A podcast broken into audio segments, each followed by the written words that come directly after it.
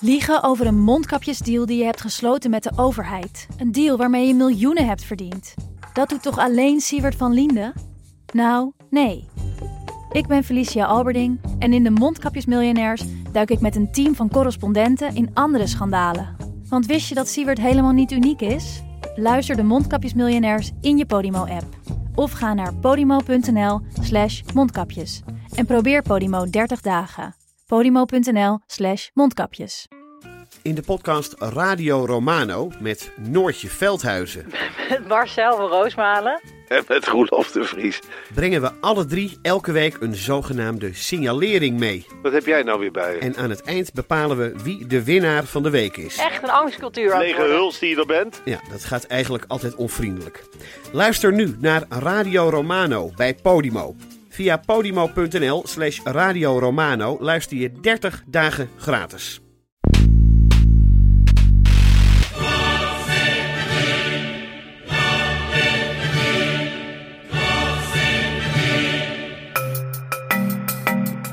Dit is Betrouwbare Bronnen met Jaap Jansen.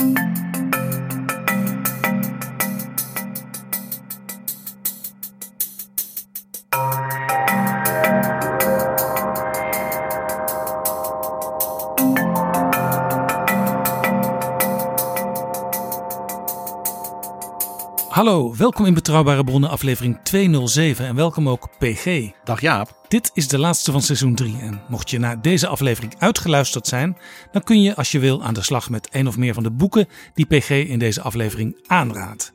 Maar eerst wil ik graag de nieuwe vrienden van de show welkom heten. Luisteraars die met een donatie Betrouwbare Bronnen mede mogelijk maken. De nieuwe vrienden zijn Thijs, Addo, Peter, Erik, Marushka, Ludo, Lars en Frederik. En jij kunt ook vriend worden. Doe het nu nog, dan kunnen we straks beginnen aan een mooi vierde seizoen. Vriend van de show worden kan via vriendvandeshow.nl slash bb. Dat is vriendvandeshow.nl slash bb. Heel erg bedankt.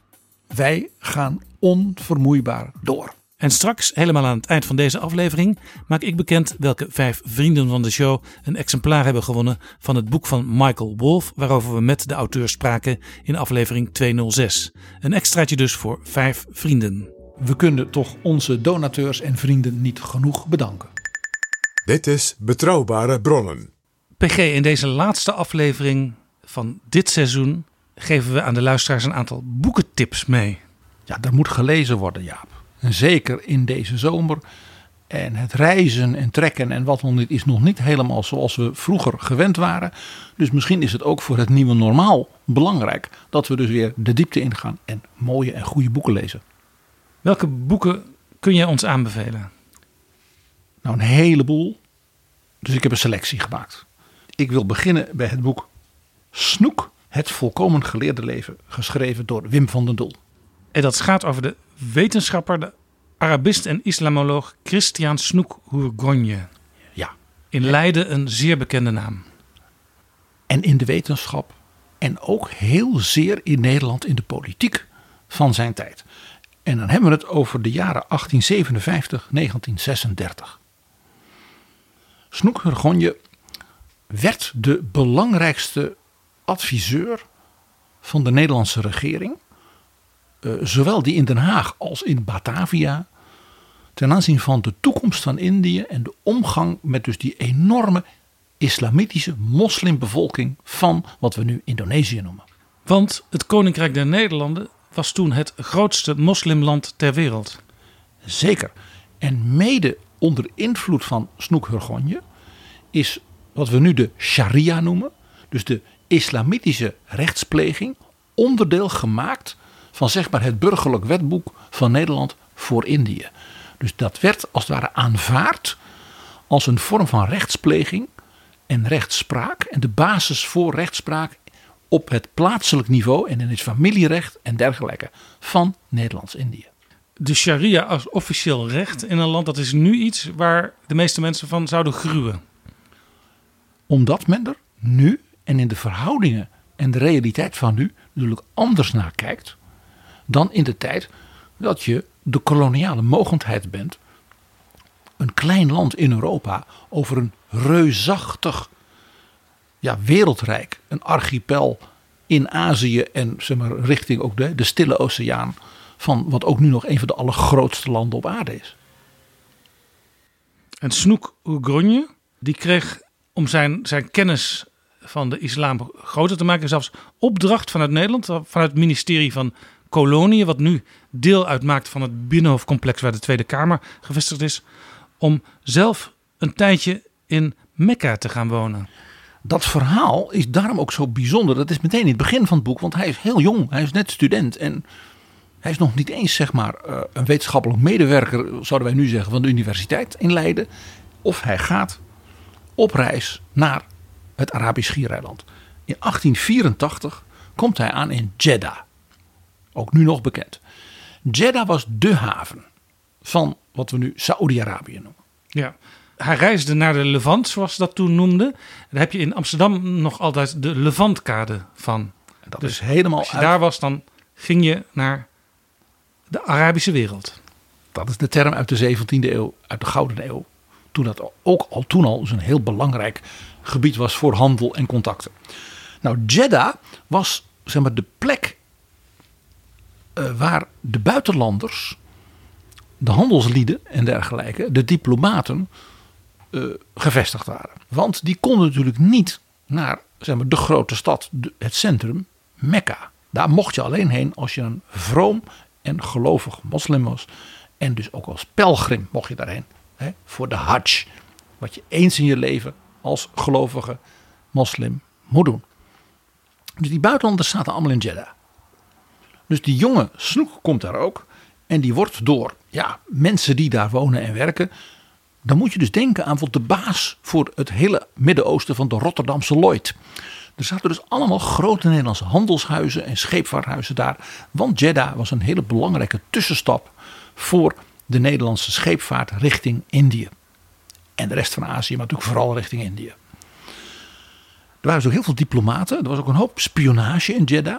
Hij krijgt ook, eh, zo blijkt uit het boek, enorm gedoe met de Franse gezant die hem enorm zwart heeft gemaakt. Daar heeft hij vreselijke ruzies mee gehad. Want dat, daar zat iets ook van, er is een Nederlandse spion die hier rondkijkt en dat wilden ze niet hebben. De Fransen die wilden het Rijk voor zich alleen hebben. Zoiets. Hij ontmoet daar in Jeddah ook allemaal mensen uit Indië, tot zijn verrassing. Er waren in Jeddah en later ook in Mekka heel veel dus moslims uit Java, uit Borneo, uit Aceh, die daar studeerden om Korangeleerden te worden, of omdat ze van prinselijke afkomst waren, contacten legden met de Arabische heersers en bijvoorbeeld ook familieverbanden onderhielden. Iets wat wij natuurlijk nu helemaal niet meer weten. Dat er zo'n intensief contact tussen in het nu Indonesië en het Arabisch Schiereiland was. Familie, geleerden, dus culturele, religieuze contacten. Hij zorgde dat hij met heel veel van die mensen in gesprek raakte, maakte vrienden en heeft toen besloten: ik word zelf moslim. Want dan kan ik naar Mekka. Dus de jonge Snoek heeft zich laten besnijden en heeft dus de gelofte afgelegd hè, om moslim te worden.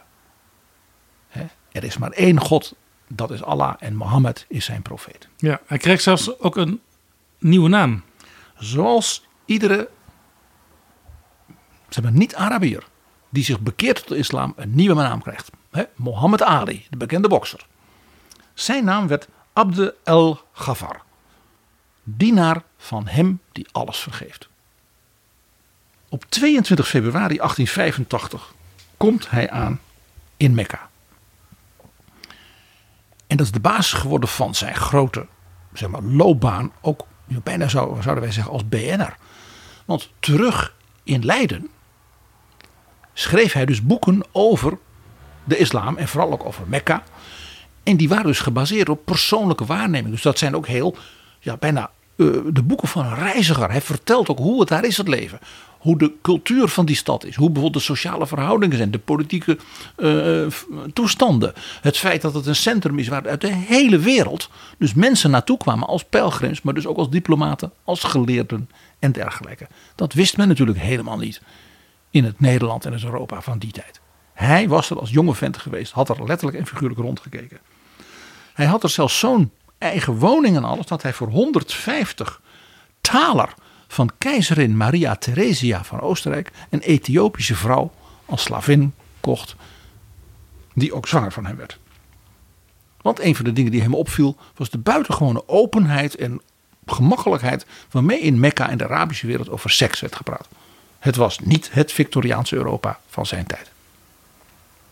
150 zilveren daalders van de keizerin Maria Theresia van Oostenrijk. Die regeerde van 1740 tot 1780.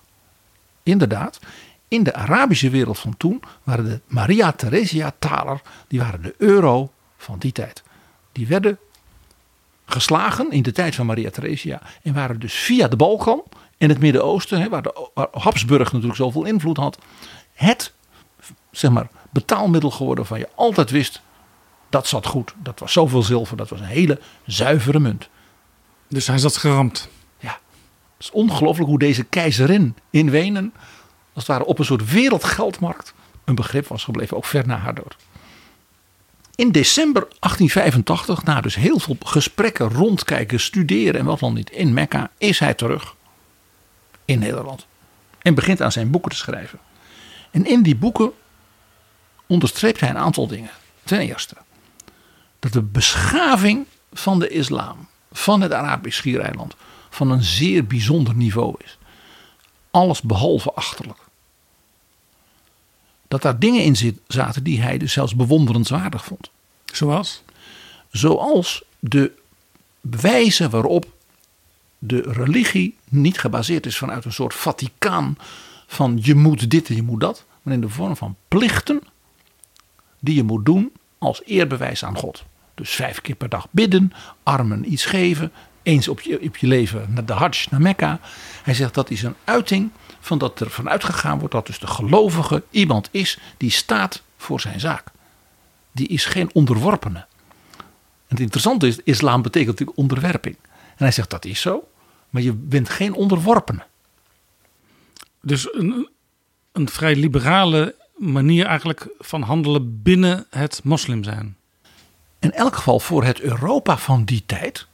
Natuurlijk een hele nieuwe manier van kijken naar de islam. Waar natuurlijk ook in die tijd allemaal beelden over bestonden van corruptie en slecht en krijgszuchtig. En allemaal dingen waarvan je denkt, oh dat horen we nu ook wel eens. En omdat je natuurlijk als Europees continent met het christelijke geloof idee had over andere geloven, ja, dat zal wel ongeveer zoiets zijn als dat van ons, maar dan net iets anders.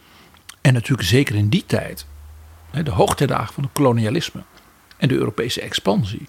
En ook de overtuiging bestond dat de Europese beschaving, en zelfs hè, sommige mensen zelfs raciaal, superieur was aan alles in de wereld. En dat de wereld dus ook gekerstend moest worden naar het Europese model. Dan wel onderworpen moest worden omdat het raciaal uh, minder waard was. Denk aan het sociaal darwinisme. Maar Snoek Gonje droeg er dus eigenlijk aan bij uh, dat de islam werd gezien als een religie naast de christelijke religie. Hij zei het is iets anders, het is een andere beschaving. Het heeft dus andere, wij zouden dus zeggen, waarden en normen. Hij zegt, en heel veel daarvan, daar kunnen wij ook als Europeanen met respect naar kijken. Bijvoorbeeld, hij zei ook de sharia. Hij zegt, heeft in zich ook een aantal rechtsbeginselen. Bijvoorbeeld, zei hij, in het familierecht. Dat als er iemand uh, sterft, dat je dan voor zijn vrouw en zijn, en zijn wezen moet zorgen. Nou, zei hij, ja, dat kennen we ook uit het Oude Testament. In de Joodse traditie. Wij in Europa laten wezen en weden hè, gewoon maar in de fabriek en in armoede en ellende. Dus hij hield ook zijn tijd een spiegel voor. Nou, wat ook heel bijzonder is, dat hij zei: U moet als Nederlanders niet denken dat u ooit Indië zult beheersen. U kunt het regeren, u kunt het exploiteren, u kunt uh, met het leger Atje veroveren. Daar heeft hij overigens aan bijgedragen, heeft de Nederlandse regering geadviseerd hoe ze dat moesten doen. Maar het zal nooit lukken dat u een zo'n groot eilandenrijk, met zoveel mensen van een compleet andere beschaving, dat u die kunt beheersen. Dat die kunt hollandiseren. Dat is een illusie. Dat was dus vloeken in de kerk in Nederland. Ja, en dat was zijn tijd ver vooruit. En interessanter is, we weten van nog één iemand die op een heel andere manier, niet als geleerde, maar als kunstenaar, ook uit zijn jeugd, tot diezelfde overtuiging toegroeide en in zijn romans dat ook liet doorklinken. En dat is Louis Couperus. En dat was natuurlijk een tijdgenoot van Snoek Hurgonje. Nou Jaap, ik zal, zal ik met Snoek nog een keer vloeken in de kerk, maar dan van het Nederland van de 21ste eeuw? Mhm. Hij vertelde en legde uit op basis dus van persoonlijke waarneming en kennis van dus het islamitisch recht. Dat verhalen over dat vrouwen in de islam werden onderdrukt. Dat ze in burka's moesten rondlopen. Dat, ze, ja, dat dat niet waar was. Hij zei, zeker, er zijn Arabische stammen. Er zijn delen van het Arabisch Schiereiland. Er ook in, ja, waar vrouwen gesluierd zijn. Hij zegt, dat heeft niets te maken met de islam. Dat is niet verplicht ergens in de Koran of door Mohammed of wat dan niet. Hij zegt dat is een gebruik van bepaalde stammen.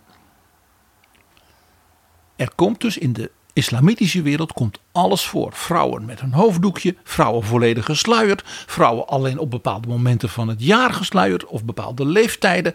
En ook vrouwen volstrekt niet gesluierd en ook volstrekt zonder hoofddoekjes, zoals in grote delen van Nederlands-Indië. Hij zei dus de gedachte die ook toen bestond, dat je als het ware de islam eh, zou pleasen door te zeggen, nou, vrouwen moeten dat maar doen. Van zei hij, dat is onzin, dat is nergens voor nodig. Lastig is natuurlijk altijd bij dit soort dingen dat in de praktijk toen en nu ook nog vaak het meestal mannen zijn die bepalen hoe je het voor vrouwen moet interpreteren. Dat uh, zit een beetje in de menselijke cultuur. En dat heeft ook niks met de Koran of de islam te maken. Het is dus heel verfrissend dat zo'n jonge Leidse geleerde ook weer heel empirisch gewoon zei: Nou, dit is de werkelijkheid. En het verhaal dat dat zou moeten is onzin. En dan zeg ik er nu bij: en het dus verbieden is eigenlijk ook onzin. Nou, zijn boeken over Mekka, twee boeken, plus één boek, en dat waren echt bestsellers, met illustraties. Dus hij had ook foto's kunnen maken heel veel tekeningen. En voor het eerst was er dus voor een heel groot publiek in Nederland en ook daarbuiten. Dus een idee van zo ziet dat er dus uit. Daarin het hart van de islamitische wereld.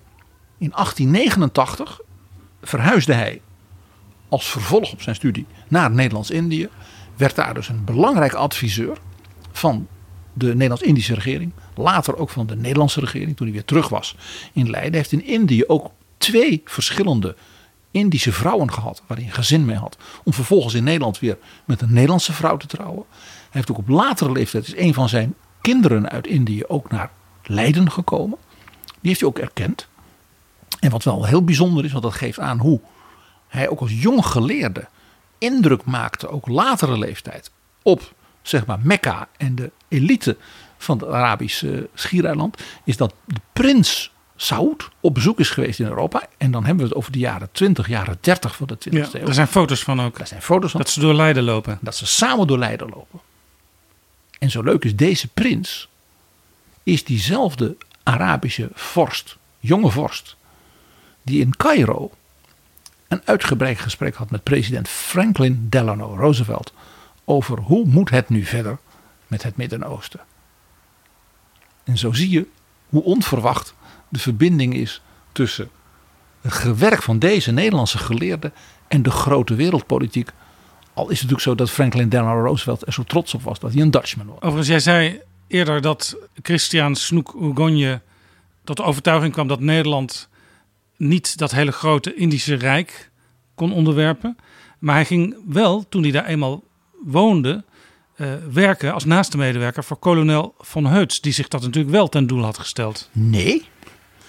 Van Heuts zei: wij moeten de sterk, wij zouden nu zeggen, salafistische, fundamentalistische opstanden in Aceh, die moeten wij onderwerpen zodat men zich daar weer gedraagt, zeg maar, conform het meer gematigde Nederlandse bestuur. Ja, Daarbij ja, zijn heel ja, veel doden gevallen. Dus het volledige onderwerpen was niet aan de orde. Het was meer uh, die opstanden, die waren lastig. Dus dat moesten we niet hebben. En Snoek Hurgonje als kenner zeg maar, van de islam... Hè, werd dus als het ware als adviseur daarbij van hoe doen we dat uh, ingeschakeld. Maar zijn overtuiging was, net als Couperus... dat het zeg maar, vanuit een soort cultureel oogpunt een illusie was... dat een land als Nederland zo'n grote wereld als de Indische archipel ooit zou kunnen echt beheersen.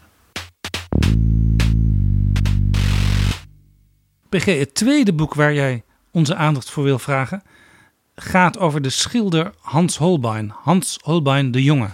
Ja, en dan zijn we Jaap, de luisteraar zal niet verbaasd zijn, in de tijd van Machiavelli. Hans Holbein was van 1497, 98, precies weten we het niet, tot 1543. eh, dus niet zo heel oud geworden, maar in die tijd was dit niet ongebruikelijk. Een kunstenaar, de zoon van een kunstenaar, Hans Holbein, de oudere. En dat was in het Zuid-Duitse Augsburg. Dat zegt nu niet heel veel mensen, maar in die tijd wist heel Europa dan waar je het over had. In Beieren. In Beieren, de hoofdstad, de hoofdstad van zeg maar, het bankwezen van Europa. De familie Fugger, de grote bankiers, ook van de Habsburgse keizers, van het huis Habsburg, de koningen van Spanje en van eigenlijk de grote handel. Zeg maar wat later de Londense City en nu misschien eh, Frankfurt werden. En Wall Street. Ja. En Augsburg was daardoor ook de stad in het eh, Europa van de Renaissance, van de goud- en zilversmeden en de, het maken van juwelen en dergelijke met edelstenen en dergelijke voor, nou ja, de kerk, voor vorsten, voor prinsessen, voor rijke mensen. We hebben het over boeken. Over welk boek gaat het nu? The King's Painter van Franny Moyle. En dan denk je, Augsburg, de schilder van de koning. En een Engels boek, dus de Engelse markt weet dan meteen over wie we het hebben. Hans Holbein was de hofschilder van koning Hendrik VIII van Engeland. Ook dit geeft weer aan hoe breed Europa was. Jaap, dit thema van die netwerken, die contacten, die culturele inspiratie wederzijds van Europa, is ook in dit schitterend uitgegeven boek. Waarin heel veel tekeningen en schilderijen van Holbein, en vooral dus zijn portretten, want hij was de portretist van zijn tijd, zijn weergegeven zodat je ook kunt zien zijn ontwerpen. Hoe hij bijvoorbeeld een bepaalde vrouw tekent en hoe, hoe dat in het schilderij een klein beetje gefotoshopt afwijkt. Het is een fascinerend boek. Ik hoop zeer dat het in het Nederlands vertaald wordt. Dus Hans Holbein is in zekere zin de uitvinder van de Photoshop. Ja, dat, zullen we dat maar even modern doen, ja. Want veel van zijn schilderijen, als je ze ziet, hij heeft Erasmus eh, geschilderd, hij heeft zelfportretten gemaakt, hij heeft inderdaad dingen voor Hendrik VIII gedaan. Eh, dat zijn schilderijen, dat zie je meteen, maar ze zijn ook wel redelijk fotografisch geschilderd. Hij was beroemd, dat was echt zijn grote claim to fame, dat het magisch leek. Wij noemen nu fotografisch, dat bestond in die tijd niet. Maar dus totaal anders moet je dus denken dan de schilderingen van de middeleeuwen. Waarbij dus de heilige maagd of Jezus altijd hetzelfde ongeveer gezicht had. Want zo hoorde dat. Hij tekende en schilderde naar het leven, zoals wij dat noemden. En op een zodanige manier dat zo'n persoon ook qua karakter, zouden wij nu zeggen, ineens ja, naar voren komt. Hij is dus in dat opzicht de leermeester van alle groten van na hem. Titiaan, Rembrandt, vul maar in. Het zo portretteren, dat net dat ene dingetje, dat detail. Dat je denkt, het lijkt wel of die vrouw of die man voor mij staat. Dat is Holbein. Nou, Holbein was dus iemand die door zijn heel jonge faam al als tekenaar en als schilder. Hè, een zoon van zijn vader die dat ook heel goed kon. In een netwerk terecht kwam waardoor eigenlijk hij overal in de elite in Europa artistiek, politiek, intellectueel, ja, vrienden had. En zijn belangrijkste vriend was Erasmus. Want die woonde in Basel. En door gedoe in Augsburg is de familie Holbein naar Basel verhuisd. En daar heeft zijn vader als het ware de- firma Holbein opnieuw begonnen. Ja, we hebben natuurlijk heel veel verhalen over schilders eh, gehoord in de geschiedenis. Eh, Arme schilders, rijke schilders. Maar hij behoorde dus eigenlijk als schilder ook tot de elite. Ook omdat zijn vader in Augsburg ook goudsmid was en zilversmid. En dat kun je alleen zijn als je dus heel veel edele metalen kunt betalen en verwerken en dergelijke. Nou, in Basel ontmoet dus de jonge Holbein ja, eh, bevriende kunstenaars, intellectuele dichters, geleerden en daaronder Erasmus. Erasmus laat hem zijn portret schilderen en dat portret bevalt Erasmus zozeer dat Holbein een heleboel portretten van Erasmus heeft geschilderd. Want dat was in die tijd zo. Dan ging hij niet elke keer weer zitten.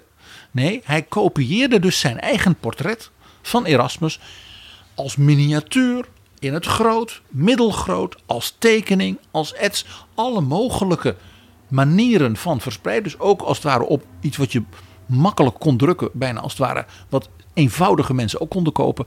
Dat was een van de dingen waar Holbein, ook al een beetje als opvolger van de grote schilder Albrecht Dürer, ook een Duitser, eh, zo beroemd door werd. Dus zeg maar van, van prachtig, imponerend kunstwerk tot een, een bijna uh, Een tekening. toeristisch kleinoud. Ja. Wij zien die schilderijen natuurlijk nu als aan de wand in een museum, als uniek object.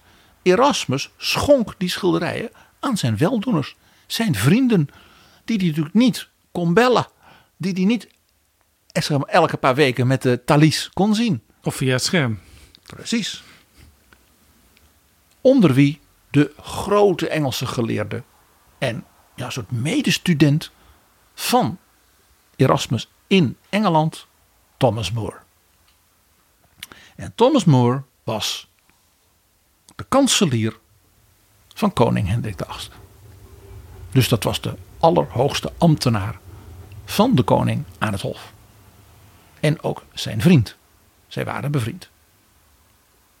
Dus je raadt het al. Via Erasmus krijgt Holbein een invitatie om naar Londen te komen bij Thomas More. En heeft een heel beroemd portret getekend en daarna geschilderd van Thomas More met zijn hele familie. Want Thomas More was in die tijd heel modern. Een man die ook zijn dochters liet studeren. En hij heeft dus een schilderij laten maken van zichzelf met zijn vrouw. En al zijn kinderen en zelfs zijn vader. En een van zijn bedienden die door hem ook had kunnen studeren. Dus echt een soort groepsportret. Dat was in die tijd iets volkomen nieuws. Dat was een innovatie in de schilderkunst.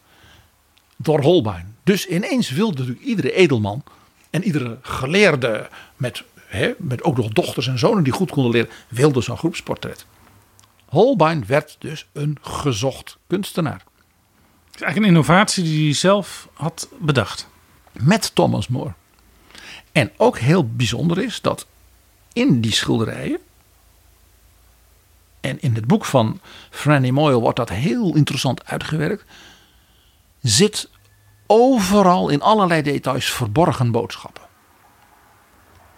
Dus een van die dochters op dat schilderij heeft een boek in haar hand. En dat heeft ze half dicht. Zodat je kunt zien welk boek het is. En weer een ander heeft een rozenkrans in haar handen.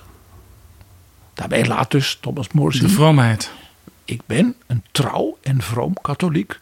Al ben ik kritisch, maar ik vind die Luther mm, vind ik niet zoveel.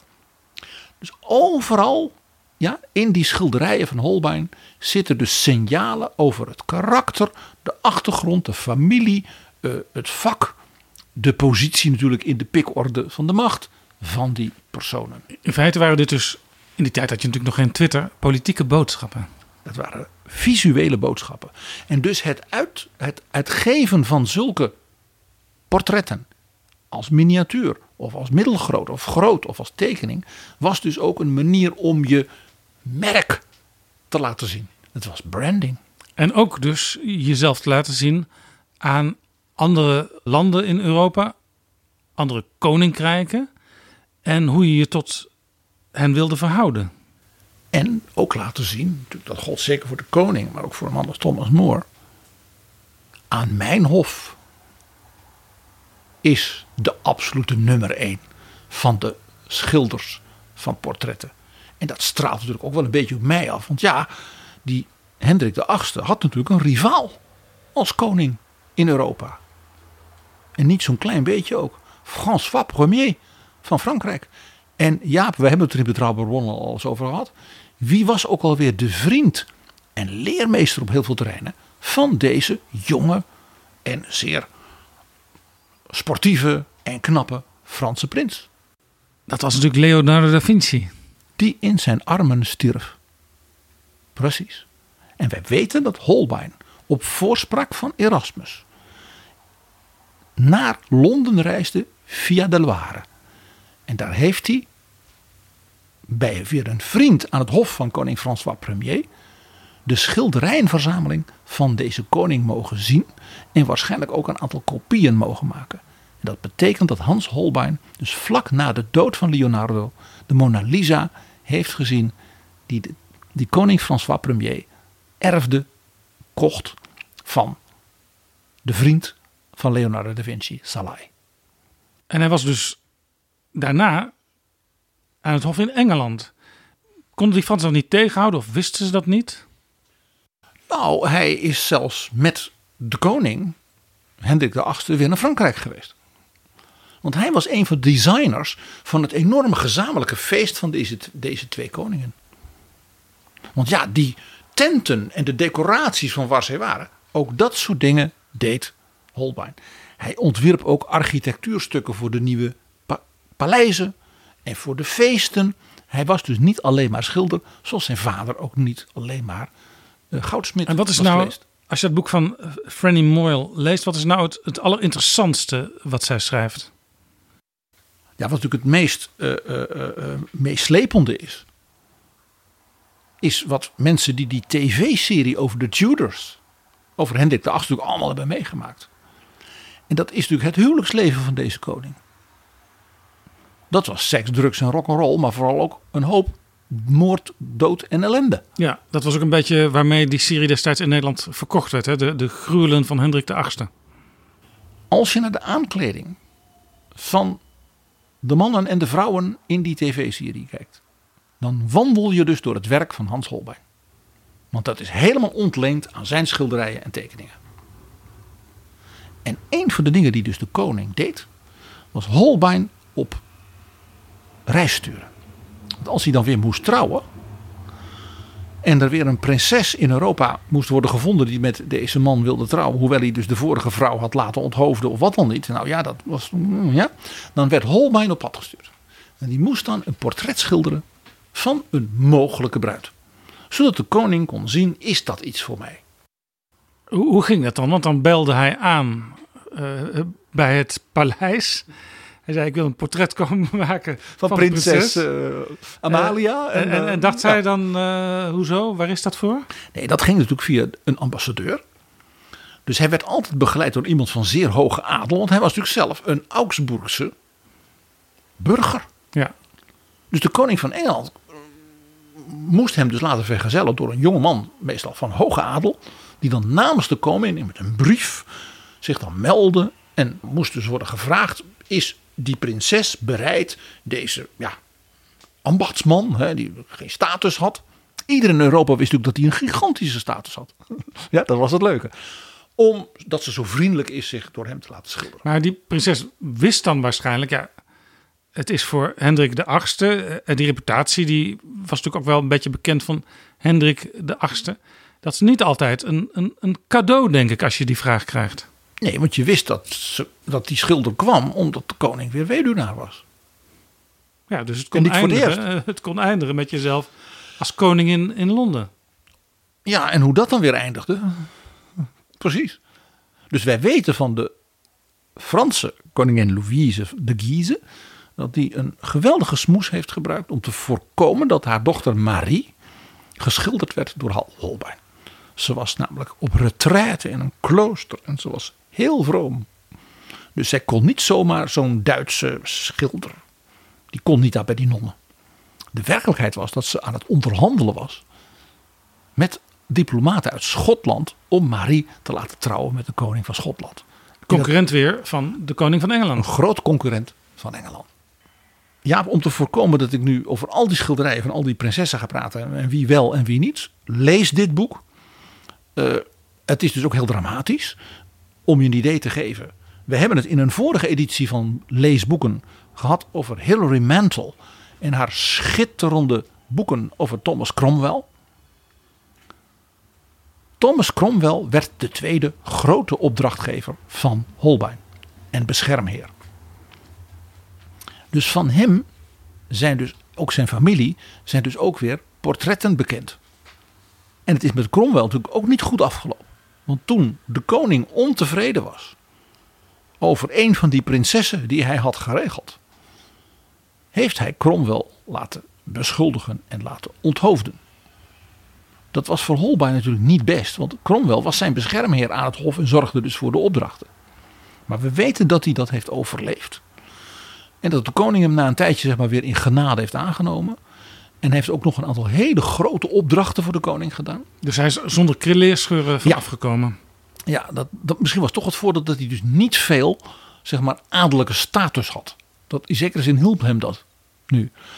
En zo hebben we van Holbein ook die soms bijna afschrikwekkende portretten van Hendrik VIII. Want dan zie je dat hij dus heel dik en heel groot was. En tegelijkertijd van die zo'n heel klein mondje en van die hele enge, diep blauwe ogen. Geen man waar je blij van wordt. En waar je als prinses, als je daarmee moest trouwen. Nou, kortom, dit boek over Holbein is een geweldig tijdsbeeld van een Eu- Eu- Europa die, dat cultuur, cultureel dus in enorme ja, gisting was. De scheuring in de kerk. Nou, eh, de vorsten die dus hun macht vergroten. Bijzondere mensen, Erasmus, François Premier, Machiavelli, Hendrik VIII, zijn vrouwen. En ook, ja, hoe zal ik het zeggen? Dat thema waar we het vaker over hebben gehad. De manier waarop men in die tijd intensief met elkaar verkeerde. En ook hoe economie, kunst en politiek en machtspolitiek en huwelijkspolitiek helemaal in elkaar verknoopt waren. Een fascinerend boek. Franny Moyle, The King's Painter. Dit is Betrouwbare Bronnen met Pieter Gerrit Kroeger. PG, we bespraken net een boek dat in het Engels eh, verschenen is, niet in het Nederlands. En dat geldt ook voor het eh, derde boek dat je wil bespreken. The hardest job in the world. The American Presidency. Een boek dus over het Amerikaanse presidentschap. Ja, over die baan.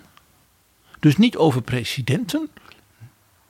Niet over met zeg maar een boek dat politiek analyseert. Wat deed die president nou en waarom is die andere president anders? Nee, die baan.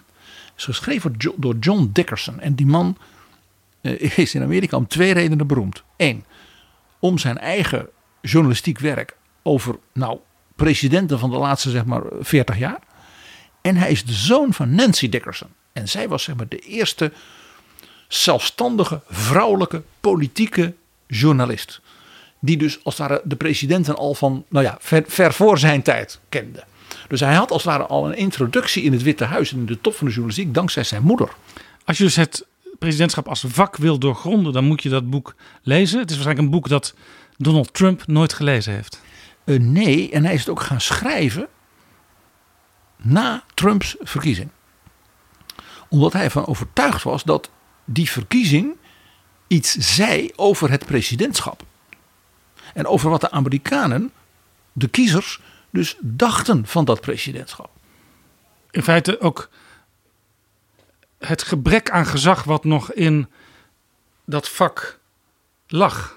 Dat zo iemand als Trump president kon worden. Ja, het is een boek dat je eigenlijk moet lezen naast het boek van Michael Wolff dat wij vorige week bespraken. Landslide. Want dat gaat over die man. En dan ook nog die bijna onbeschrijfelijke, daarom knap dat je er boek over kunt schrijven, eindfase. Dit boek doet een stap terug.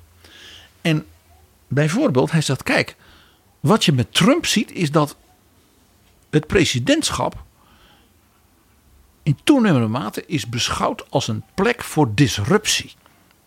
En niet als een institutie om het land en om de democratie, de republiek, zoals de Amerikanen het noemen, in stand te houden en te laten voortbestaan. Disruptie ook doordat de Democratische Partij en de Republikeinse Partij eh, zich steeds meer tegenover elkaar gingen opstellen. In plaats van als, eh, wat ook wel genoemd wordt, staatsdragende partijen. eh, die om en om kunnen regeren. En waar ook eh, vaak wordt samengewerkt om dingen tot stand te brengen. Nou, op dat punt eh, is het boek ook heel verfrissend, want het, eh, eh, eh, laat ik zeggen, het ontnuchtert dat idee. Want hij zegt, kijk, dat eh, elkaar dwars zitten in de Senaat en elkaar dit en dan, dat is van alle tijden. Hij heeft het echt over presidenten vanaf George Washington. Hè? Vanaf het begin. Ja, en hij zegt hoe ontstond dat ook? Nou, hij verwijst natuurlijk, we hebben het er in onze podcast wel eens over gehad. De smerigste verkiezingscampagne ooit, en dat was die van 1800. Hè? Jefferson tegen Adams. Dus daar wijst hij ook op. En hij zegt, en hoe Lincoln met eh, het congres moest knokken. En hoe FDR, en hebben we het over hele grote presidenten, moest manipuleren, loog en bedroog. Ja, maar wel een groot president. Nou, dus hij zegt, wat we nu zien is dat dus de, de institutie van het presidentschap staat als het ware zelf ter discussie. En dat is helemaal nieuw. Doordat de Amerikanen blijkbaar de disruptie, zoals hij dat noemt, nu belangrijker vinden. Dus het drain the swamp aspect. En hij zegt dat is dus een enorme boodschap aan iedereen die als het ware president wil worden. Hij zegt dit lokt misschien ook mensen als Trump naar die baan toe. Oh, dat is iets voor mij. En hij schrijft daarom ook vrij kritisch over Obama. Die zegt Obama heeft dat onvoldoende aangevoeld. Obama was te veel de professor die vertelde hoe het zat. En hij kon niet de brug slaan met eh, mensen bij wie veel onvrede was. Hij wijst erop, we hebben het er met Jan Paternot over gehad. Die, dat komt letterlijk ook in dat boek voor dat hij zegt. LBJ zei tegen zijn vicepresident Hubert Humphrey. You talk to F. Dirksen, you eat with F. Dirksen, you drink with F. Dirksen. Ja? Dat was de Mitch McConnell van toen. Ja. En wat zei Obama? You take a drink with Mitch McConnell. Daar heb ik geen zin in. Een van de hoofdstukken heet dan ook Be Like LBJ. Dat is in Amerika met de herinnering aan deze president, met Vietnam, met zijn ondergang, natuurlijk een gedurfd ding. En tegelijkertijd zegt hij, kan natuurlijk niet. Hij zegt dat een president als LBJ, even los van Vietnam, die dus alles dag en nacht bezig was met de Senaat, met het Huis, met de politiek. Klassieke parlementaire president. Hij zegt dat kan niet meer. Want die global power van de president was ook toen al van LBJ zijn ondergang. Doordat hij dus op het internationale terrein in Azië, ja, in Vietnam, dat er niet nog bij kon hebben. Dus hij zegt dat idee van, ach ja, vroeger bipartisanship, dat was toch zo mooi. Toen ging het allemaal zo goed. Hij zegt, nou één, valt wel mee. Het ging soms ook helemaal niet goed. Hij staat wat of, ook, of onder Truman bijvoorbeeld. Harry Truman. Ja, hij zegt, en ook Bush senior had gewoon een congres tegenover zich waar hij alleen maar last van had. Hij zei, het was dat hij het goed probeerde te doen. Hij zei, Trump deed niet eens een poging. Maar hij zegt, bipartisanship kan alleen als de kiezers, dus de Amerikanen, gewoon in hun stemgedrag duidelijk maken: dit is wat wij willen. Hij zegt dat als de Amerikanen bij opiniepeilingen zeggen dat ze dat willen, maar vervolgens niet op kandidaten stemmen die daarvoor staan, dan is het dus duidelijk dat ze het niet willen. Dat is een behoorlijk confronterende boodschap. Hoe kunnen kiezers duidelijk maken dat ze willen dat Republikeinen en Democraten vaker samenwerken? Door bijvoorbeeld in voorverkiezingen dus mensen te laten winnen. Gematigde kandidaten. Die zeggen: ik kan dingen bereiken. Ik was gouverneur, ik was uh, mayor Piet. Hè? Ja. Dus, dus mensen die niet per definitie eh, zeggen dat ze tegen alles zijn. Ik ben er om anderen kapot te maken. En dat ze tegen de elite zijn, dat ze tegen Washington zijn. Tegen alles zijn, ja. Tegen Mexicanen, noem maar. Maar mensen die zeggen, nou, ik wil wel iets kunnen bereiken en ik weet dat ik dan moet dealen. Hij verwijst heel nadrukkelijk hier, heel mooi ook, op die bijzondere vriendschap en enorme knokpartijen van Tip O'Neill en Ronald Reagan. Tip O'Neill, ook Speaker of the House. Heel en machtig. En die elkaar dwars zaten en dit en dat. Maar, toch respect voor elkaar hadden. Maar, maar dat Ronald Reagan een keer bij een gala de verrassende spreker was. Ter ere van Tip O'Neill. Dat hij zei, wij twee Irishmen, we vinden het heerlijk elkaar eindeloos. En waarom vinden we het zo heerlijk? Omdat we alle twee iets goeds willen doen voor Amerika. En dan met bebloede koppen. En daarom ben ik gekomen. Ik zie een, een, totaal ander beeld even voor me. Moet ik ineens aan denken van Barack Obama te gast bij de journalisten op het jaarlijkse uh, diner met de president. En in de zaal, een van de gasten daar is Donald Trump. Een aantal jaren voordat hij zelf uh, president gaat worden. Die door Obama met heel veel ironie en humor belachelijk wordt gemaakt. Dat vindt uh, Donald Trump zo vreselijk dat volgens sommigen in zijn directe omgeving dat een van de redenen is geweest waarom hij zich uiteindelijk voor het presidentschap heeft gemeld. Ik heb een detail uit die bijzondere vriendschap en tegenstanderschap van Reagan en O'Neill. Toen Reagan was neergeschoten en bijna dood was, toen is Tip O'Neill met toestemming van Nancy Reagan naar zijn ziekenhuis gegaan. En hij heeft op zijn knieën gebeden met Ronald Reagan en hem de 23e psalm voorgelezen. De Heer is mijn herder. En toen, toen gekust op zijn voorhoofd en toen is hij weer weggegaan. Kijk, bipartisanship, maar dan dus niet knokken, maar uiteindelijk, ja, misschien ook wel shared values. Ja, dit boek The Hardest Job in the World van John Dickerson is dus in feite ook een, een opdracht voor de Amerikaanse kiezers. Mensen, maak het niet te gek. Denk ook aan de eenheid van dit land, want in alle verscheidenheid zijn wij toch één. Hij heeft het boek dan ook aangevuld met een epiloog na de recente presidentsverkiezingen. Waarin hij eigenlijk deze oproep ook doet aan Biden en zijn aanhang. Van maak nou dus vooral niet dezelfde fout. En eigenlijk zegt hij: Joe Biden, jij was acht jaar de vicepresident van Obama. Obama heeft in dat opzicht het niet helemaal altijd goed gedaan. En kun jij nu al vanuit jouw kennis van de Amerikaanse actuele politiek zeggen dat Biden eh, daar ook wel rekening mee houdt met dat advies eh, van John Dickerson? Nou, eigenlijk zeg ik achteraf het gesprek dat jij en ik onlangs met Jan Paternotte hadden over Biden is niet FDR, Biden is meer LBJ, is daar een antwoord op. Nog één klein dingetje, ja, dat wil ik niet vergeten. Dickerson wijst ook op een enorme denkfout die overigens ook in Nederland vaak wordt gemaakt. Campaigning is not governing. Het feit dat je goed campagne kunt voeren of dat je een campagne wint, betekent niet dat je dat ook moet gaan doen als je minister of president of premier bent. Je moet dan een knop omzetten en dat moet je dus ook je achterban, je aanhang duidelijk maken. Ik ga nu regeren, dat is iets anders dan campagne voeren. Dit is heel interessant en eigenlijk ook gewoon een wenk voor Nederlandse politieke partijen. Want heel veel politieke partijen in Nederland zeggen eh, de volgende campagne begint op de dag na de verkiezingen en wij voeren een permanente campagne. Maar hij zegt dat is dus niet de bedoeling. Nou, dat is misschien wel de bedoeling voor het campagneapparaat. Maar niet voor de partijleiders bijvoorbeeld, die na die verkiezingen samen verder moeten. En dat ze dan na vier jaar weer in campagnestand gaan, prima. Dit zien we in feite uh, bij Mark Rutte, die door iedereen geprezen wordt. Partijen echt van allerlei snit. Dat hij altijd wel zijn best probeert te doen om een kabinet te laten samenwerken. Sterker nog, om zelfs over de grenzen van het kabinet heen met partijen in het parlement samen te werken. En soms zie je dan even bij Mark Rutte een aantal weken voor de verkiezingen een knopje omgaan. Soms tussendoor ook nog even. En dan weet je, nu staat hij in de campagnestand. Mag ik deze les aan een andere liberale leider in Nederland meegeven? Mevrouw Kaag had na de verkiezingen met veel respect moeten praten over Gert-Jan Segers.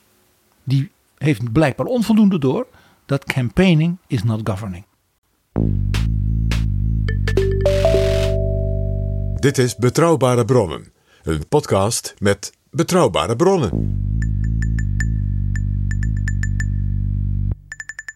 PG, er is net een boek verschenen in het Duits, maar ook in het Nederlands. Dat heet Wolfszeit. Wolfstijd. Waar gaat het over? Dat is van Harald Jen. En dat boek heeft in Duitsland ongeveer de mooiste recensies gekregen die ik in jaren heb gelezen. Van een, wat ze in Duitsland noemen, mentaliteitsgeschichte. Dus een geschiedenis van hoe het denken en de cultuur en de beschaving van mensen ja, zich ontwikkelde. En dat gaat over de periode 1945-1955. Zou je kunnen zeggen de, de wedergeboorte van Duitsland? Wat ze dus in 1945 nog niet wisten dat dat zou gebeuren. Dus een van de meest dramatische perioden in de Europese geschiedenis. Ja, want op de kaft staat ook een foto van een, een, een beetje keurige meneer met een aktentas in pak. Over de tramrails lopend. Maar als je goed kijkt, dan zie je links, rechts en achter hem eh, de puinhopen van de bombardementen van de Tweede Wereldoorlog. Hij loopt ergens, ik noem maar eens wat, in Karlsruhe of in Mannheim en er staat niets overend. Maar hij is nog gekleed als een heertje. We houden wel onze stijl. Het boek Wolfzeit, het kreeg onder andere de prijs van de Leipziger Boegmesse. eh, nou, dus ik vind het schitterend dat dit is vertaald in het Nederlands. En het begint natuurlijk in 45 in een land van ontreddering. Dat is het enige goede woord. Heel veel mensen zijn verdwenen, zijn dood. Dood, eh, vergast, Ja. eh, gesneuveld. Eh, bij bombardementen eh, ja, alles kwijt. eh, hun familie kwijt. Dus ook heel veel gezinnen waar de vrouwen het moesten rooien. Dat is een heel belangrijk thema in dit boek. Waar de kinderen ook ontredderd waren. Want misschien ook wel in de Hitlerjugend gezeten. Misschien ook wel aan het front geweest. Ja. Oude mensen alles kwijt. Hun huis, hun kind, hun kleinkinderen, hun zus, hun broer. De kerk waar ze in samenkwamen. Hun cultuur. Misschien zelfs het Duitsland waar ze trots op waren. Alles stuk. Joodse burgers die misschien terugkwamen naar de plek waarvan ze verdreven wa- waren. De enkeling. Ja. Dus ook steden waar bijvoorbeeld hele buurten niet alleen gebombardeerd waren, maar ook de bewoners allemaal dood en vergast waren. Wat je ook een beetje van Amsterdam kent. Maar dat dus in Duitsland, nou ja, maal 300. Kortom, een moment om weinig verwachting te hebben. Ja. Ook in die eerste periode na dus de nederlaag van Hitler. Dat Duitsland bezet is door vier buitenlandse mogendheden.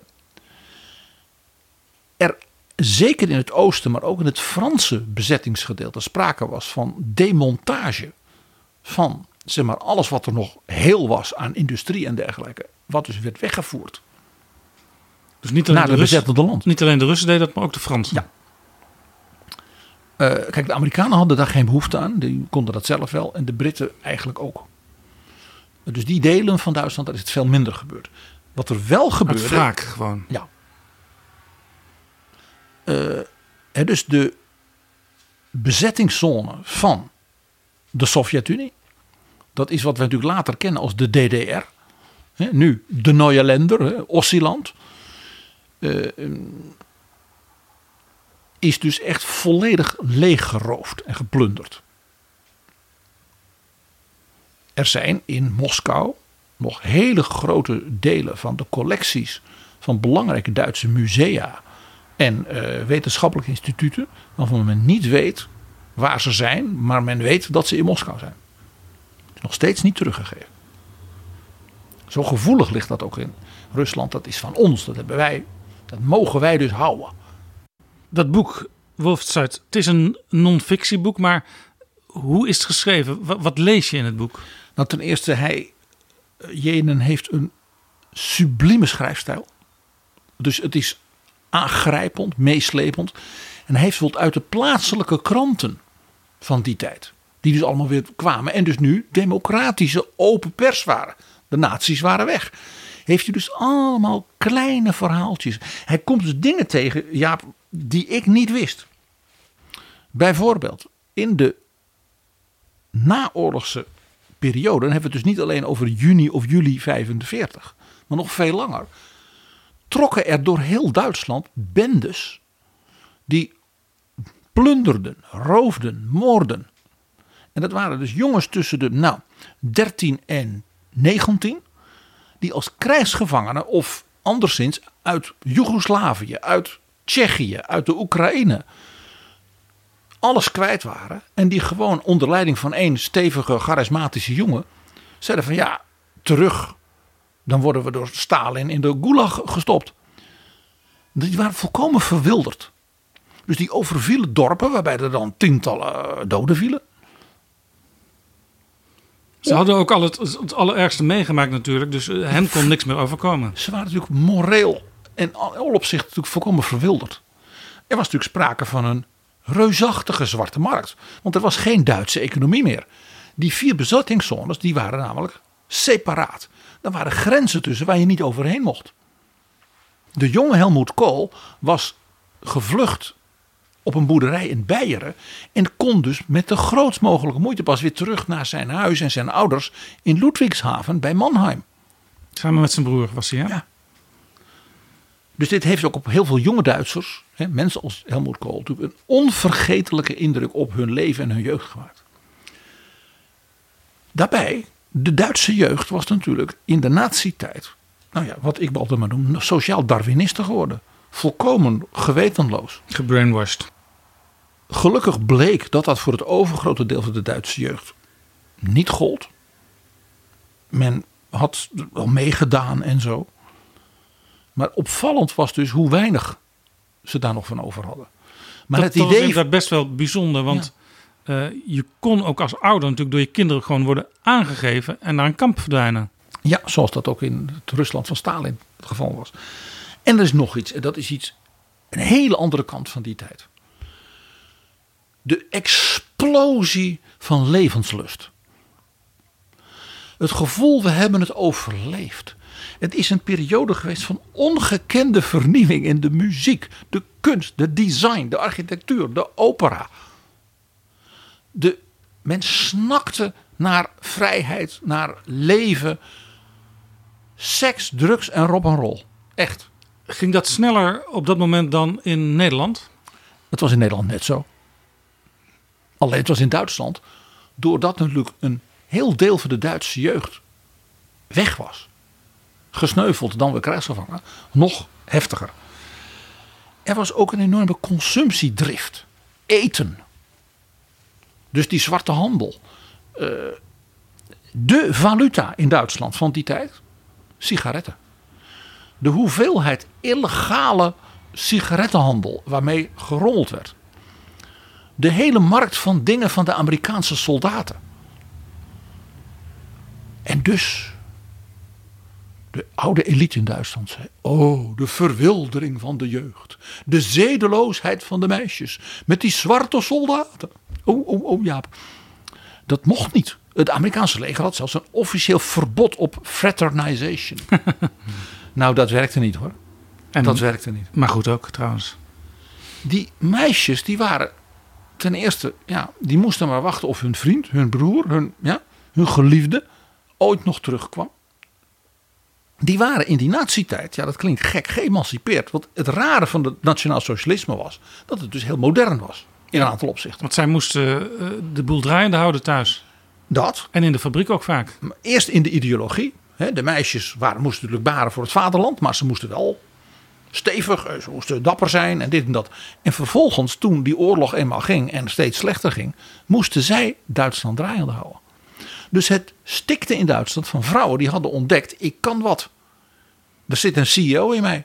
Ik kan in mijn eentje die hele boerderij aan. Ik kan dat familiebedrijf. Ik kan, ik kan, ik kan. En dat wil ik niet zo. Dit was dus wel een verschil met Nederland, waar het in feite uh, met zeg maar, de man-vrouw verhouding na de oorlog, meteen na de oorlog, doorging zoals het daarvoor al was.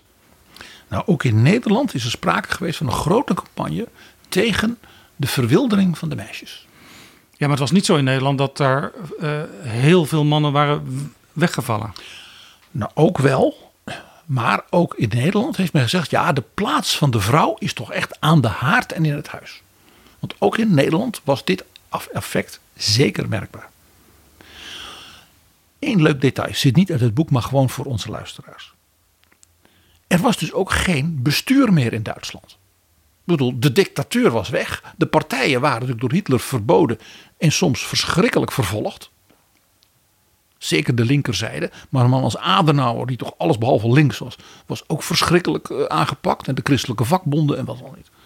Dus wie waren de baas? Dat waren de bezetters. Weet jij wie aan de Hessische Bergstraße, dus zuid van Frankfurt en Darmstadt, een aantal van die gemeenten met mooie wijnbouw, wie daar de baas was? Een Amerikaanse officier, die regelde alles. En die kon goed Duits. Heinz Kiesinger. Ah. Henry Kissinger. Ontdekte daar dat hij niet alleen goed kon leren, maar ook goed kon organiseren en managen. Maar het zegt dus iets hoe Duitsland, hoe alles kapot was. En er was natuurlijk ook boek schrijft daar ook soms heel aangrijpend over. Een ongelofelijke psychische nood van mensen. Er was natuurlijk ook gewoon sprake van heel veel schuldgevoel. We hebben het al die tijd hebben we meegedaan. Laten we het er maar niet meer over hebben. Maar ja, mensen moesten bijvoorbeeld als ze hun baan terug wilden hebben bij de bezetter natuurlijk formulieren invullen van wat heeft u gedaan. Mag u nog wel uitgever zijn? Mag u nog wel een krant volschrijven? Mag u nog wel dirigent zijn? Mag u nog wel een ziekenhuis leiden? Of heeft u meegedaan aan het vergassen van gehandicapte kinderen onder de het naam was van een hele euthanasie? tijd ook. Eh, De, de, de, de schaduw van, van het verleden lag er overheen. Alles. Maar toch ook eh, het verlangen naar het nieuwe. En men was natuurlijk getraumatiseerd. Door de angst, door het verlies en natuurlijk ook door de onzekerheid. Eh, De miljoenen Duitse gezinnen die maar moesten afwachten of hun vader, hun broer, hun neef ja, ooit nog terugkwam. En als ze dan terugkwamen, veelal vanuit het Oostfront, maar ook uit Italië ook. Dan waren die mannen natuurlijk, die, ja, daar was niks van over. En die vrouwen, die hadden zoiets, wat moet ik met die man? Nou, daar schrijft eh Jenen heel mooi over. Eh, dus ook over heel veel huiselijk geweld. Kapotte huwelijken. Daardoor kinderen waarvan de opvoeding... En dan heb je dus eerst bij de Hitlerjugend al ellende meegemaakt. En, ja, en dan dit. Dus dat in Duitsland, zeg maar na 19, nou 3, 4, 65... er een soort tweede golf van ook culturele en emotionele heftigheid is geweest. Van ook naar die ouders en die grootouders toe. Wat hebben jullie gedaan? Door die kinderen kwam natuurlijk mede door de traumatisering van die jaren 40 en jaren 50. Gaat het boek vooral over de West-Duitse kant van Duitsland? Eh, ja, want de DDR, eh, daar is, dat is allemaal toch ingewikkelder. Ook door het communistische bewind, wat een totaal andere cultuur was. Ja, en wat in zekere zin ook weer een voortzetting was van het nazistische bewind. Ja, waar men dus eigenlijk zei van, nou ja, wij zijn nu de goeie. En de fascisten die zitten in het westen. En men op eenzelfde soort manier ook weer doorging met indoctrinatie en brainwashing. En geweld. De DDR was een gruwelijke dictatuur. En zolang Stalin nog leefde, tot, dus tot 53, was in feite de Sovjet-KGB en de Sovjet-repressie daar de baas. Er zijn tienduizenden mensen uit de DDR in de Gulag-archipel ah, ja, gestraft. Niet in de DDR. We kennen natuurlijk heel veel van dit soort dingen ook uit de Duitse literatuur. Het beroemde boek van, van Heinrich Möll, Haus ohne Hüter. Huis zonder hoeder. Over die vaders die dus dat niet meer kunnen. Maar Beul bedoelt natuurlijk ook over Duitsland zelf. Duitsland was ook een huis zonder hoeder.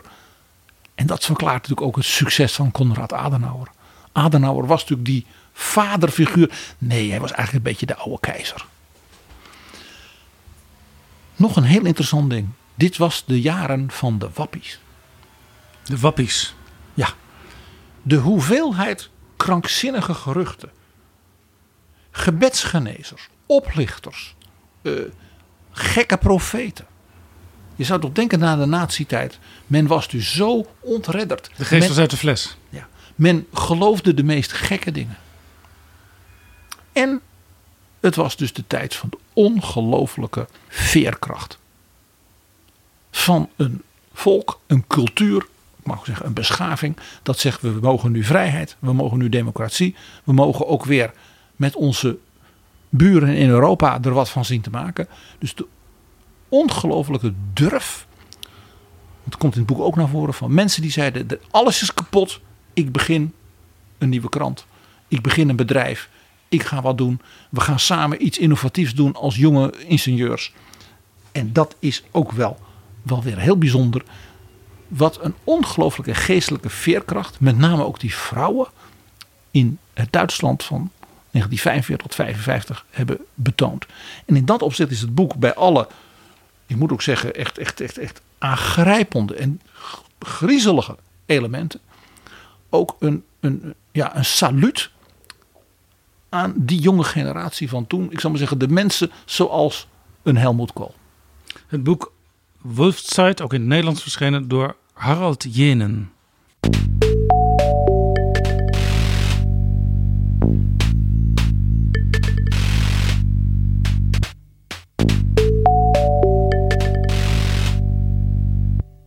PG, we bespreken zes boeken. En het vijfde boek, dat is een boek van iemand die we onlangs nog tegenkwamen in Betrouwbare Bronnen. Michel Barnier, La Grande Illusion. Ja, ik kon het niet overslaan. Het dagboek over de brexit-onderhandelingen. Dus hier zijn we nu in het Frankrijk, het Engeland en het Europa van onze tijd. Een boek van ongelooflijke actualiteit. Ja, Michel Barnier, we kwamen hem tegen in aflevering 204, de aflevering van 14 juillet, op weg naar de Franse presidentsverkiezingen. Want Barnier is waarschijnlijk, alle tekenen wijzen daarop, een van de, een van de tegenkandidaten van Emmanuel Macron bij de presidentsverkiezingen. En hij heeft dus een boek geschreven als hoofdonderhandelaar namens Europa met de Britten over de Brexit. En wil jij president worden van Frankrijk, dan moet jij een boek hebben gepubliceerd over politiek, over jouw ideeën, waarmee je dus een soort uitstraling geeft van als u op mij stemt, dan krijgt u iemand van niveau, van klasse, van culturele en politieke uh, uh, uh, kwaliteit. En het boek heet La Grande Illusion, de grote illusie. Dat gaat natuurlijk over de Britten en de Brexit en hoe zij denken nu in een veel betere wereld terecht te zijn gekomen. En het is de titel van een van de beroemdste Franse films. Want ook dit is dus weer Barnier, typische Franse politicus. Dan neem je de titel van een hele beroemde film. Zodat je laat zien, ik ben niet van de straat cultureel. Dit boek gaat natuurlijk helemaal niet over brexit, ja. Het gaat over onderhandelen. Dat is dus genieten als je daarvan houdt. Het gaat over de excentriciteit van die Britten.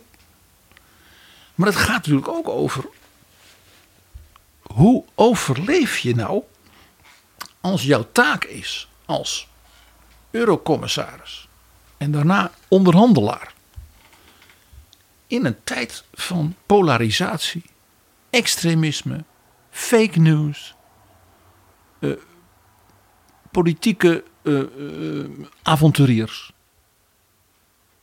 en gekte. Want al die dingen zitten in Brexit, inclusief de manipulaties vanuit het Kremlin.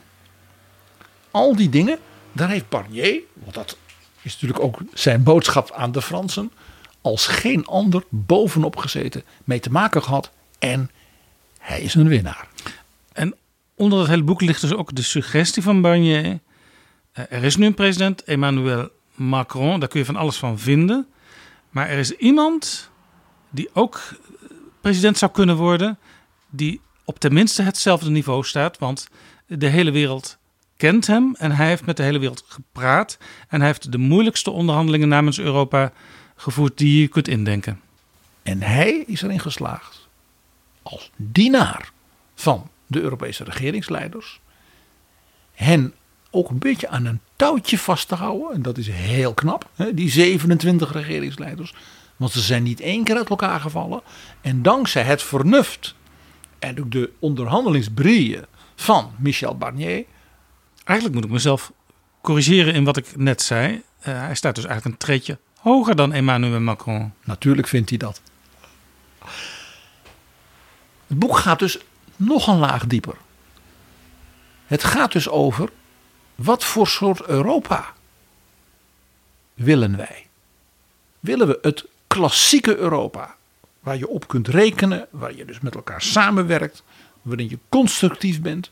Of wil je het Trumpiaanse Europa van Brexit, Frexit, Le Pen, Salvini, Poetin, vul ze maar in. Wat wilt u? En hij zegt dus: Ik heb in elk geval geprobeerd, hè, mijn best gedaan, dienend, ja, dat klassieke Europa, dat zekerheid geeft, dat ja, perspectief geeft, bij elkaar te houden en dus overeind te houden. En dus gaat het boek ook zeker over Michel Barnier zelf. Het boek La Grande Illusion door Michel Barnier. Dit is Betrouwbare Bronnen. PG, we gaan nu het laatste boek bespreken. Er is trouwens wel eens, naar aanleiding van zo'n eerdere aflevering over boeken, een tweet verschenen van iemand die dat hele stapeltje meenam naar zijn vakantieadres. Jaap, ik krijg wel eens lief bedoelde klachten. Zo was er in Brussel een jonge hoogambtenaar. Die had het boek A Certain Idea of France, The Life of Charles de Gaulle van professor Julian Jackson gekocht. Naar aanleiding van de bespreking door jou en mij in Betrouwbare Bronnen. En hij zei, wat heb ik gedaan? Want ik ben net vader geworden tegelijkertijd. Als ik per week 10, 20 bladzijden van het boek lees, dan ben ik al blij. En dat is jouw schuld. Alleen hij zei, het komt wel uit. Want het boek is meeslepend. Maar ik, ik schiet maar niet op en dat verwijt ik mezelf.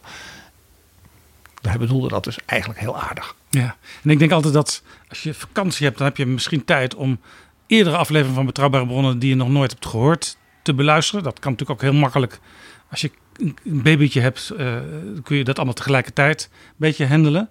Uh, maar ja, er zijn mensen die hebben echt alle afleveringen van deze podcast al gehoord. En voor hen is eigenlijk deze aflevering ook speciaal bedoeld. Hè? Heb je nou werkelijk geen enkele aflevering meer te beluisteren van betrouwbare bronnen? Ga dan boeken lezen, want dat is misschien nog wel mooier dan podcasts luisteren. Ik neem aan, Jaap, dat jij die eerdere afleveringen, waarin wij boeken behandelen, ook in de site. Zeker, die staan in de beschrijving van deze aflevering. Juist. Dus ook het verhaal over Alexis de Tocqueville, over Thomas Paine, over Hilary Mantel, Abraham Kuyper, Stefan Zweig.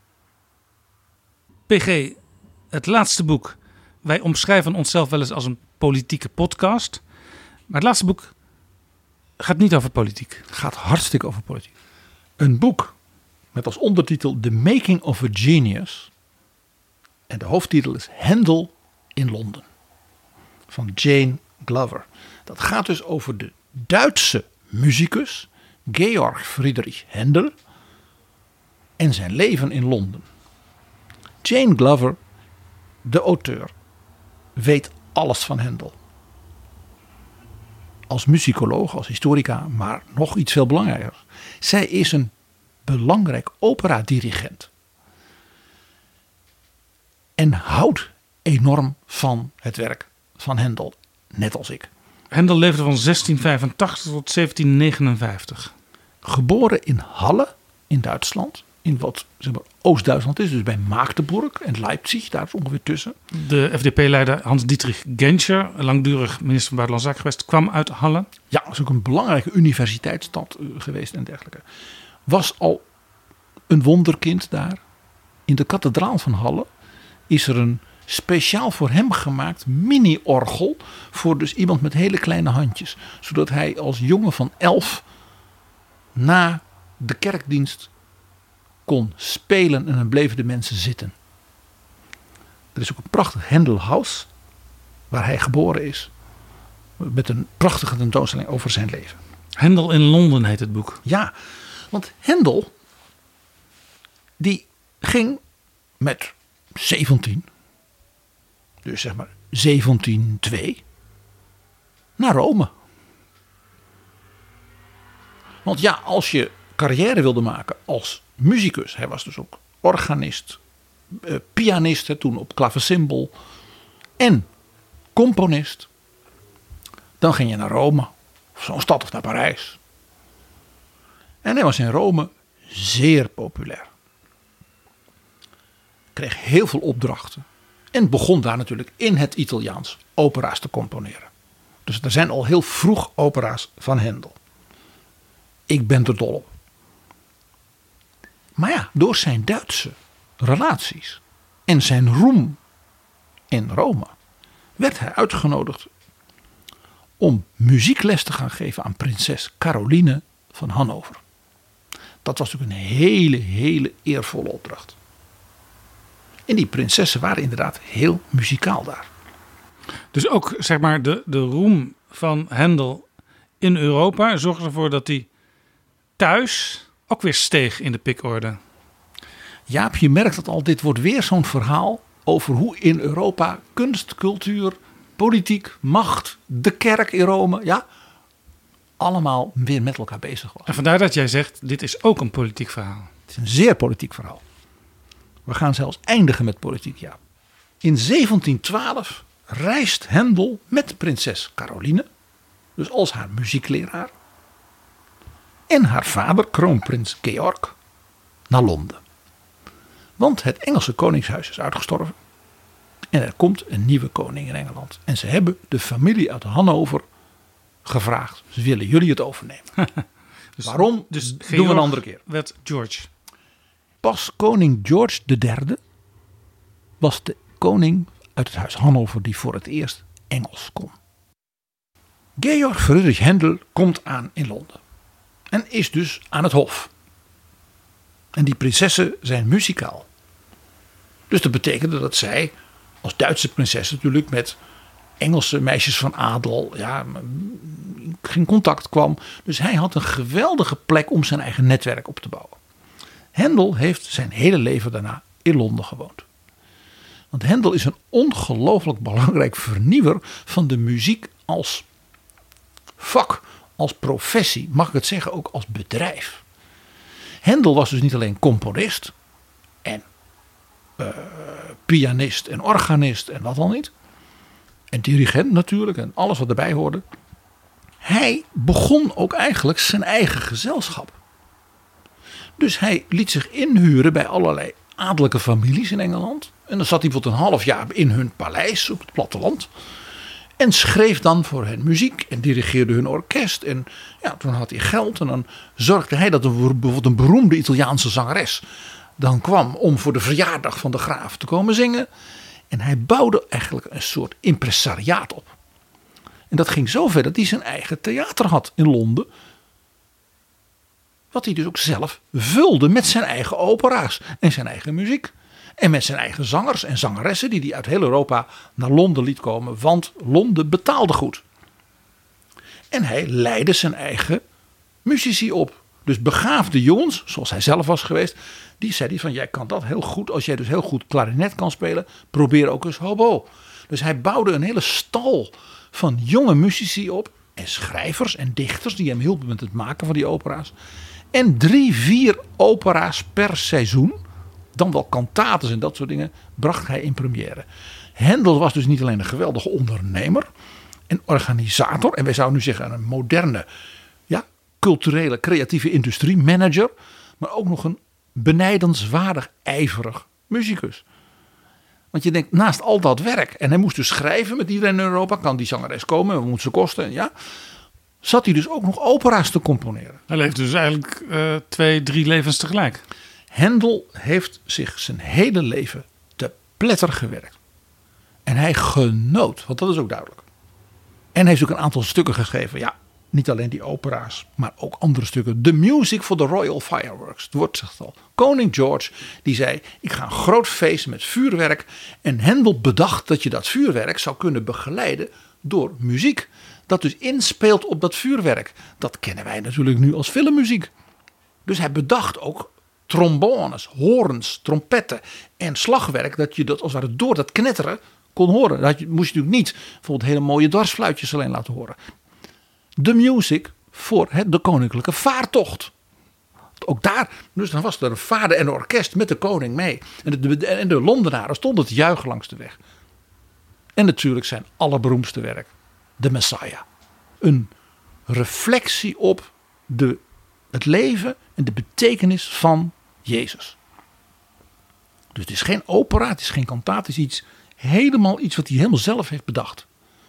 En die Jane Lover, die dirigente, die zo alles weet van zijn opera's. Die zegt, ja, een van de redenen waarom ik vond, ik moet dit boek schrijven. Ik heb de Messiah meer dan honderd keer gedirigeerd. In heel Engeland en in de hele wereld. En ik blijf met dat stuk bezig. Hoe hij bepaalde bijbelteksten, bepaalde psalmen, hoe hij dat muzikaal, wat daar in dat hoofd van die man is omgaan, waarom hij die, dat geluid, die stem zo laat klinken. Zij vindt het dus een geniaal stuk. Wat het ook is. The Making of a Genius heet niet voor niets het boek in ondertitel Handel in Londen. Ze bedoelt ook het making in de zin van het economisch. Hij was gemaakt. Door zijn brieën ook als ondernemer. Als, en dus ook als netwerker. Want hij bleef altijd maar bevriend met de koninklijke familie. Dus als er een première was, dan kwam de kroonprins of de koning of prinsessen. En wie in Londen gezien wilde worden, ging dan dus naar die première van die opera van Hendel. Dus dan had hij in zijn theater, begrijp je, een aantal avonden de zaak drie keer uitverkocht. Hij was een enorme diplomaat in zekere maar ook een enorme handelaar. Getrouw aan zijn naam, zou je kunnen zeggen. Ja. En ook nog een enorme reiziger. Hij is ook in de Nederlanden geweest. En hij was dus, je begrijpt het al, bevriend met iedereen die er maar toe deed. Niet alleen in de Londense elite van de koninklijke familie, maar ook van de sponsors, zouden wij zeggen. Van kunstenaars, van zangers en muzici uit heel Europa. Dus als je geïnteresseerd bent in muziek, in componeren, in muziek als bedrijfstak. Maar ook natuurlijk als je geïnteresseerd bent in politiek, dan is dit een aanrader. En als je houdt van voetbal. Van voetbal? Ja. Want, ja, hij begon zijn carrière jong, 17, 18, in drie, vier jaar. Ja, de jonge topper in Italië. En daarna natuurlijk de componist van Engeland. Italië tegen Engeland. Hoe actueel? ja, dat is nog gekker. Zijn misschien wel beroemdste werk voor Engeland is de herkenningsmelodie van de Champions League. Wat een verhaal, hè? Hij schreef voor George II, toen die koning werd, op verzoek van de koning, een muziekwerk voor zijn kroning in Westminster Abbey. Ik wou zeggen, gaan we nu eindigen met de tune van de Champions League? Ja, dat gaan we. Dus hij zei, jij kunt, ook als Duitse componist, op een aantal van de bijbelteksten die door de aartsbisschop van Canterbury worden gebruikt bij die dienst, muziek schrijven. En dat heet de Coronation Anthems. Dus ook een, een, een stuk met veel fanfare. Met een enorm koor. Hij kon helemaal losgaan als componist. Het is ook de ideaalste opdracht die je maar kunt krijgen. En ook wat eervol. De kroning van de nieuwe koning en jij bent een buitenlander. Hij heeft ook later de Britse nationaliteit gekregen van de koning. En jij mag dat componeren. Dat wordt sindsdien bij elke kroning van elke Britse vorst uitgevoerd. De Coronation Anthems van Handel. En één daarvan heeft een bekende titel Zedok the Priest. Tekst uit het Oude Testament. De jonge koning Salomo, opvolger van David. Je begrijpt, George II wou daarmee ook zijn vader eren, die dus net begraven was. Jonge koning Salomo wordt dan gezalfd door de profeet Nathan en Zedok the Priest, de hoge priester van Jeruzalem, Zadok. Zedok the Priest en Nathan the Prophet anointed Solomon king. And all the people rejoiced. En sang, en het volk zong, God save the king, long live the king. En dan denk je, hé, hey, het Engelse volkslied. God save the king. Hendel wist hoe hij in die Westminster Abbey een knaleffect kon doen. Hij liet zijn orkest eerst alleen de strijkers een heel zachte, bijna kabbelende melodie spelen. En steeds meer instrumenten vullen dat aan. Dus er komt er op, een soort golf van muziek langzaam omhoog. En dan op het hoogtepunt, als alle instrumenten, dan valt het koor, het is een enorm koor. En dat zit dan Zadok the Priest. Het is de openingsmelodie van de Champions League. Het leek mij leuk om na het voetbalkampioenschap dat er onlangs is geweest, waarbij de Italianen de Engelsen in Londen versloegen, om dan deze Duits-Italiaans Engelse componist met dit werk van hem, Zadok the Priest uit de Coronation Anthems, deze podcast en dit seizoen te laten eindigen. Een vrolijke afsluiting van seizoen 3 van Betrouwbare Bronnen. Dankjewel, PG. Jaap, het was me weer een genoegen dit seizoen.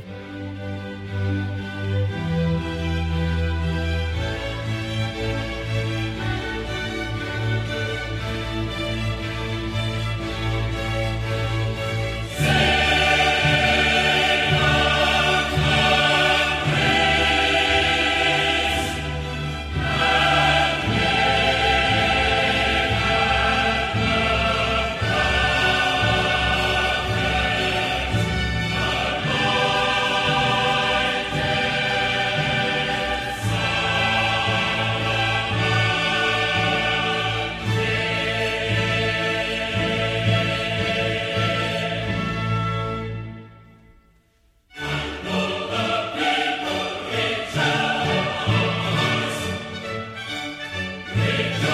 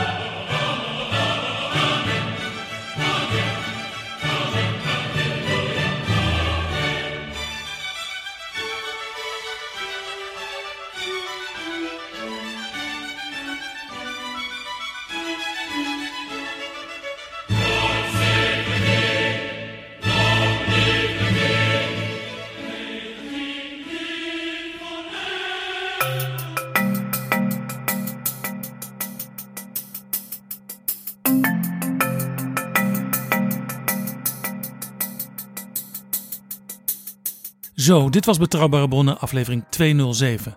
Mede mogelijk gemaakt door de vrienden van de show. Mensen die met een donatie hun waardering laten blijken voor Betrouwbare Bronnen. Ben jij nog geen vriend? Laat daar dan nu verandering in komen. Ga naar vriendvandeshow.nl/slash bb en help deze podcast mede mogelijk maken. Vriendvandeshow.nl/slash bb. We hebben al een paar keer boeken verloot onder vrienden. Zo ook het boek Aardverschuiving van Michael Wolff, die te gast was in aflevering 206. Uitgeverij Prometheus heeft vijf exemplaren beschikbaar gesteld. En de winnaars zijn Jurian van de Kamp uit Eigelshoven, Gijsbert Raadgever uit Deventer, Erik de Koning uit Utrecht, Greet Burkels uit Heilo en Pepijn Kemper uit Leiden. Hartelijk gefeliciteerd! We gaan even met zomerreces. Je hoort betrouwbare bronnen weer vanaf eind augustus met de start van een nieuw seizoen. Tot dan en prettige vakantie. Betrouwbare bronnen wordt gemaakt door Jaap Jansen in samenwerking met dag en nacht.nl.